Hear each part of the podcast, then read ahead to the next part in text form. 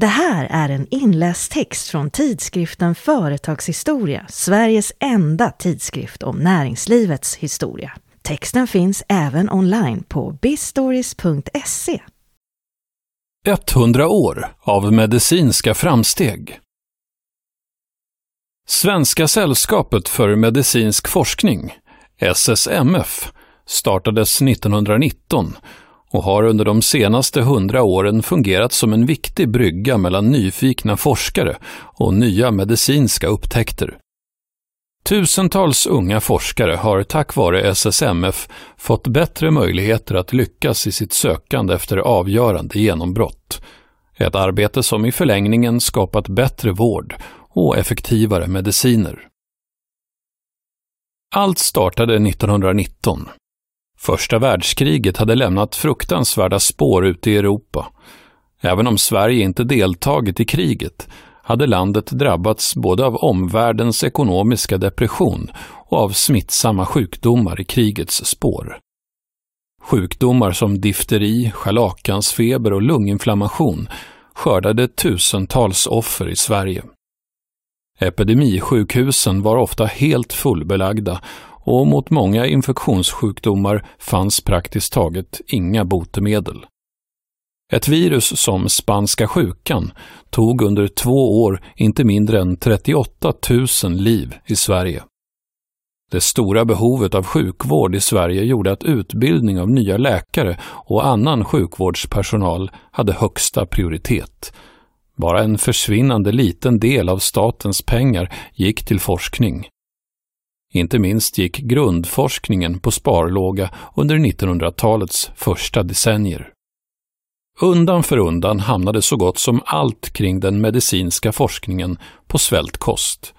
De medicinska tidskrifterna i landet hamnade i kris och svenska vetenskapsmän fick allt större svårigheter att publicera sina resultat utomlands. Effekterna verkade förlamande på den vetenskapliga produktionen, vilket i sin tur påverkade rekryteringen av forskarbegåvningar till universitet och högskolor. Och de som ändå ville forska hade sällan råd att göra det utan att dra på sig stora skulder. I det läget tyckte en grupp framstående personer med intresse för medicinsk forskning att nu fick det vara nog. Han bjöd in till ett möte lördagen den 18 oktober 1919 i Svenska Läkaresällskapets hus vid Klara kyrka i Stockholm. Inbjudan till mötet var undertecknad av professorerna Hjalmar Forsner, Gösta Forsell och Gunnar Holmgren i Stockholm, överläkare Einar Ki i Stockholm, professor Ulrik Kvensel i Uppsala och professor Karl Petrén i Lund. Ordförande vid mötet var universitetskansler Karl Schwarz, tidigare finansminister i högerledaren Arvid Lindmans ministär och under några månader 1917 statsminister. Ulrik Kvensel var professor i patologi och allmän hälsovård vid Uppsala universitet och dessutom universitetets prorektor. Han tog till orda på mötet och slog fast det är en livsfråga för vår medicinska kultur och en stor fosterländsk uppgift att skapa ekonomiska förutsättningar både för medicinsk forskning och för publicering av dess resultat. Hans engagerade tal ledde till att de närvarande bestämde sig för att bilda Svenska sällskapet för medicinsk forskning, som med åren i dagligt tal ofta blivit SSMF. Syftet var att skapa ett kraftfullt medicinskt forum i landet med uppgift att fästa allmänhetens uppmärksamhet vid den medicinska forskningens betydelse. Och, inte minst viktigt, att dra in pengar till forskningen. Redan vid starten bestämdes att man skulle stödja forskning inom alla medicinska områden och pengarna samlades in via medlemsavgifter, gåvor och donationer. Med åren har testamentsgåvor kommit att utgöra en allt större del av sällskapets kapital. En granskningsnämnd bedömer ansökningarna och medlen delas ut i form av stipendier en gång per år.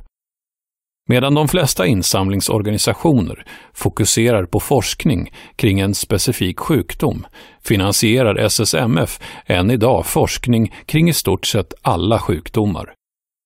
Som givare kan man välja att pengarna ska gå till ett specifikt forskningsområde eller sjukdom, men det är alltid forskningens kvalitet som styr utdelningen av medel.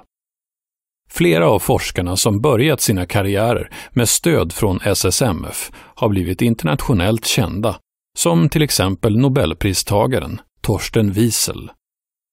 Men även om inte alla förärats ett Nobelpris så går det att hitta spår av SSMF-stödd forskning bakom många stora medicinska framgångar.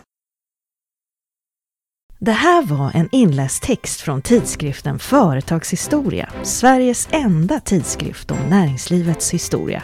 Texten finns även online på bistories.se.